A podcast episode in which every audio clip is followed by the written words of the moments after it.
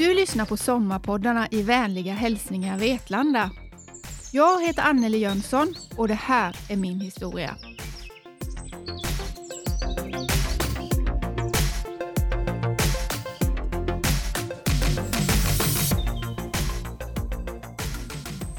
Jag jobbar som kommunikationschef på Vetlanda kommun. Det är alltså mina duktiga medarbetare som gör den här podden och som kom med idén om att ha sommarpoddare. När de frågade mig om jag ville vara med så tänkte jag precis som så många andra, vad har jag att berätta? Jag var så tveksam så jag faktiskt tackade nej. Sen ångrade jag mig. Det var en utmaning som lockade. Efter lite ältande fram och tillbaka så kom jag fram till tre möjliga spår som mitt samtal kunde ta. Det första och kanske mest uppenbara, jobbet som kommunikationschef och vägen hit. Om valet att stanna kvar i Vetlanda och hur det är att göra en intern karriär. Efter 28 år inom kommunen med 12 olika chefer och 15 olika arbetsplatser. Efter en högskoleexamen och en massa andra studier samtidigt som jag jobbat heltid. Om de två chefer som betytt mest för min utveckling, Jerker Richt och Rickard Lehmann. Det andra, mina schäferhundar och kanske främst den senaste av dem, är Moros Benji. Om hur jag under några år utbildade honom till tjänstehund inom flygvapnet. Det innebar bland annat att han blev krigsplacerad och redo att tas ut i tjänst när som helst, var som helst i världen. Om hur vi tränade och tävlade i ur och skur, hur vi fick slita, hur roligt vi hade och vilka band det skapade mellan oss. Om hur skjutbanan i Skillingaryd i princip blev vårt andra hem och hur Erik och Bettan, mina träningskompisar, blev som min andra familj. Det tredje och det mest personliga, hur det är att leva med en kronisk sjukdom. En sjukdom som inte går att bota. Att varje timme, varje minut, varje sekund på dygnet har ont någonstans.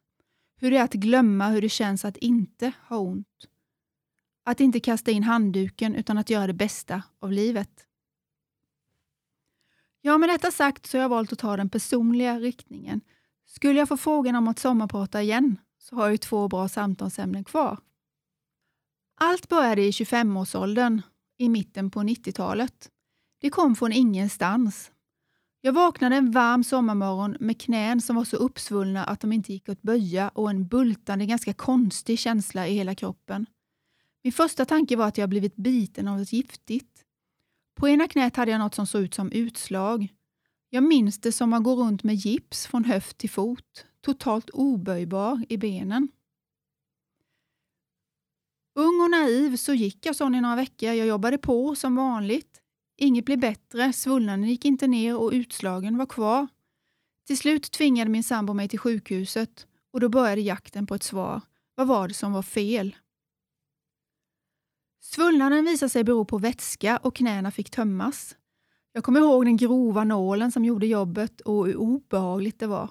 Jag kommer ihåg den gula, sega vätskan som drogs ur knät och hur orealistiskt det kändes. När jag pratar om det nu så ser jag nästan nålen framför mig och jag får fortfarande lite flashbacks varje gång jag ska ta en spruta. Läkarna kunde ganska snabbt ge mig diagnosen psoriasisartrit, eller PSA som det förkortas. Det var utslagen jag hade på knäna som ledde dem rätt. Jag hade också inslag av reumatism. Just då insåg jag inte allvaret. Vad det var för sjukdom som jag fått och hur den skulle påverka mig, det insåg jag långt, långt senare. Psoriasis känner de flesta till som en hudsjukdom, men det finns flera varianter och jag hade fått den som sätter sig på lederna. Jag minns att jag var tacksam för att det var just denna variant som jag hade fått, för vem vill ha en massa utslag överallt? Utslag som dessutom kunde hamna på väldigt synliga platser. Så här i efterhand så skäms jag för mig själv. Så oerhört naiv jag var. De utslagen som jag hade på knäna de fanns ju där inledningsvis. De försvann efter ett tag och kom aldrig tillbaka. Ledbesvären försvann däremot inte och problemen i knäna, det var bara början. PSA är en kronisk inflammatorisk ledsjukdom där en eller flera leder inflammeras. Oftast är det knä, fotleder, småleder i händer och fötter och leder i nedre delen av ryggen som drabbas. De vanligaste symptomen är stelhet, smärta både vid rörelse och vila, ömhet i muskler och svullna leder. Intensiteten av smärta kan vara väldigt olika. En del har lite ont medan andra kan ha mycket ont. Som värst kan PSA vara mycket aggressiv och ge en allvarlig inflammation där ledernas brosk förstörs. Sjukdomen är i många fall ärftlig, men den kan också uppkomma på grund av stress eller andra faktorer. Och Jag vet än idag inte varför jag fick sjukdomen. Den finns inte i släkten, så det var något annat som gjorde att den bröt ut hos mig. Jag minns inte att jag var stressad, men kanske var jag det ändå. Det är inte riktigt känt hur många som får PSA. I Sverige uppskattar man att cirka 0,2 procent av befolkningen har sjukdomen. Jag var nog alltså en av dem och det skulle visa sig att jag hade fått den värsta varianten, det vill säga ledernas brosk var, var på väg att förstöras. När det skett fullt ut, när brosket är borta, så finns inget gångjärn i lederna, vilket innebär att ben skaver mot ben. Och ni hör ju själva hur oskönt det låter. Efter diagnos blev den stora frågan hur jag skulle medicineras. Det var ju inte så enkelt. Jag kände mig som en försöksperson ganska många gånger. Jag vet att jag åt allt från antiinflammatoriska mediciner till cellgifter och guldtabletter. Jag fick ta prover varannan vecka då alla tabletter kunde påverka levern. Jag tappade hår och gick upp, ner, upp, ner, ja mest upp i vikt. Och De flesta medicinerna jag åt var i förebyggande syfte för att inte förvärra läget på sikt. I det akuta stadiet fanns inte så mycket att göra. Det blev mest kortison, både sprutor och tabletter. Sjukdomen går i skov. Ibland är det lite bättre, ibland när lederna blir inflammerade är det såklart sämre. Värktabletter åt jag ibland så gott som dagligen. Efter några år valde jag att sluta med all medicinering. Kanske ett dumt beslut, men jag kände att alla tabletter gjorde mer skada än nytta. De tabletter som lindrade själva verken, de gjorde mig helt snurrig och så ville jag inte leva. Knäna som allt började med blev så småningom bättre. Idag har jag inga problem med dem. Vad som däremot blev ganska illa efter några år var min högra fot. Jag fick steloperera några leder på ovansidan av foten och efter ytterligare något år fick jag byta ut fotleden. Att byta ut fotleden var ganska ovanligt och obeprövat. Knän och höfter var och är än idag mycket vanligare att byta ut. Jag fick välja om jag ville byta ut fotleden eller om jag ville steloperera den.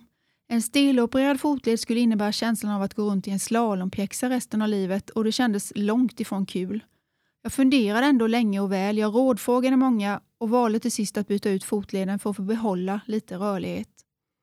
En fotledsprotes håller inte hela livet. Då trodde man på en livslängd mellan 10 och 15 år. Idag är prognosen något bättre. En fotledsprotes går nämligen inte att byta ut. När den gjort sitt, då är det steloperation som gäller. Jag fick åka till Malmö och träffa kirurgen innan operationen. Han hette Urban Ryholm och jag minns honom som en oerhört vänlig och kunnig läkare. Han fick direkt mitt förtroende. Jag fick se och känna på protesen och jag fick ställa alla frågor jag hade inför operationen. I efterhand inser jag hur otroligt värdefullt detta var. Operationen gjordes på Spenshults sjukhus i Halmstad. Urban var utlånad dit från Malmö universitetssjukhus en dag i veckan. Det var Urban som sågade av mina ben i foten och satte i protesen. Operationen i sig gick bra, men jag fick en hel del komplikationer efteråt med sår som inte läkte, allergiska reaktioner på mediciner och så vidare och så vidare. Jag tålde bland annat inte smärtlindringen och det var lite jobbigt. Jag var inlagd på sjukhus i nästan en månad. Tiden på sjukhuset var ändå okej okay och inte så långtråkigt som man kan tro. Jag måste ändå säga att vi har en fantastisk sjukvård i Sverige. Jag blev gipsad och sjukskriven några månader. Jag tog med mig hunden och flyttade ut till sommarstugan. Det var jätteskönt. Ingen som såg mig och jag kunde kämpa på på egen hand. En massa sjukgymnastik och långa promenader. Det är verkligen en process att lära sig att gå igen. Kvinnan i granngården hon blev min kontakt med omvärlden. Hon skämde bort mig. Hon kom med nybakat bröd och såg till att jag hade det bra. Däremot hade vi ingen dusch i stugan, så när min sambo kom och hälsade på så blev det en tur till närmsta stad och en dusch i badhuset. Och det, mina vänner, det var en procedur, bara det. Att ha en konstgjord fotled innebär ibland att foten inte rör sig som du vill. Dessutom långt ifrån full rörlighet. Jag blev halt till och från och jag kan till exempel inte springa längre. Under långa perioder körde jag inte bil för jag vågade helt enkelt inte. När jag varit still en stund och ska resa mig upp så tar det sin lilla tid. Ofta haltar jag och så får jag många gånger frågan om jag har gjort mig illa. Då brukar jag svara att jag har en protes i foten. Jag tycker faktiskt det är ganska roligt för reaktionen är alltid densamma. Man stirrar på min fot och så förväntar man sig att se en träfot eller något annat som går att ta bort eller kanske trillar bort.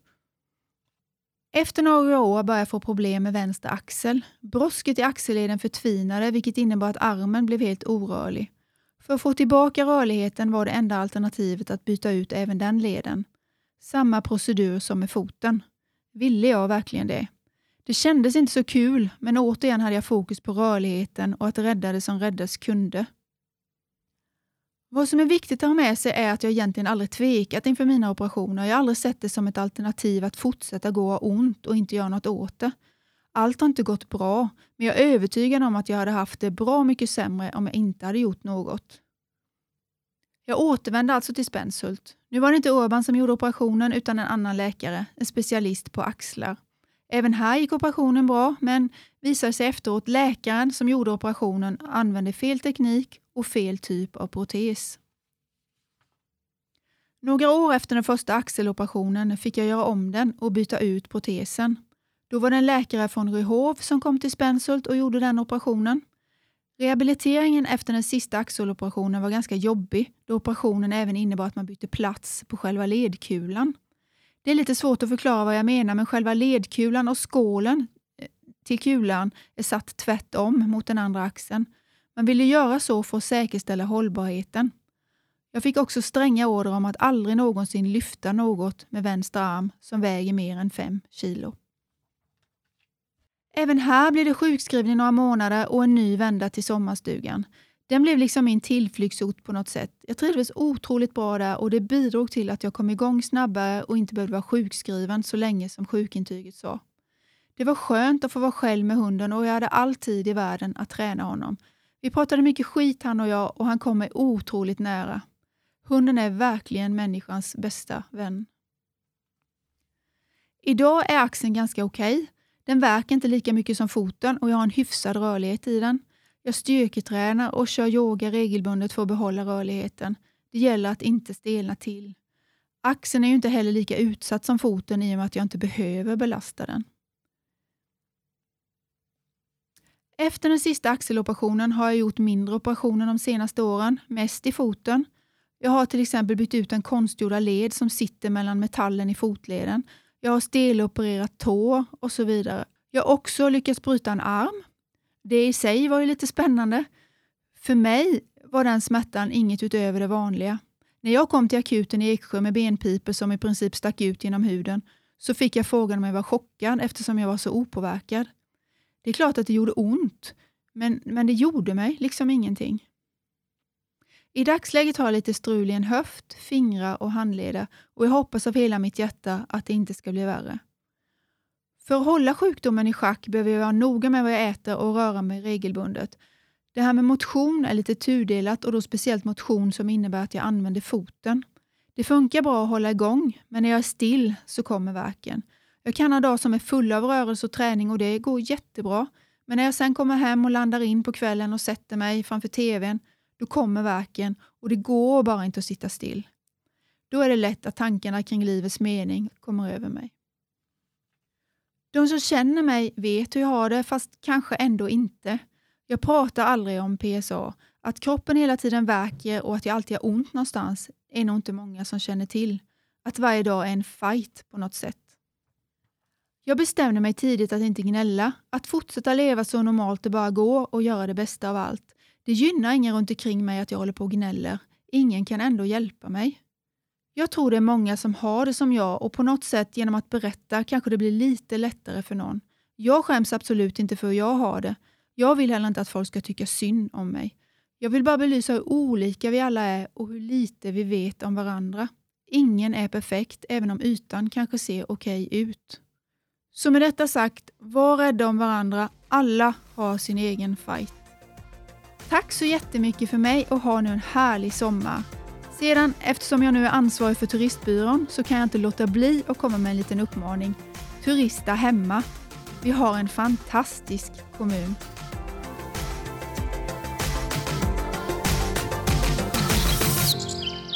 Du har lyssnat på Sommarpoddarna i vänliga hälsningar Vetlanda.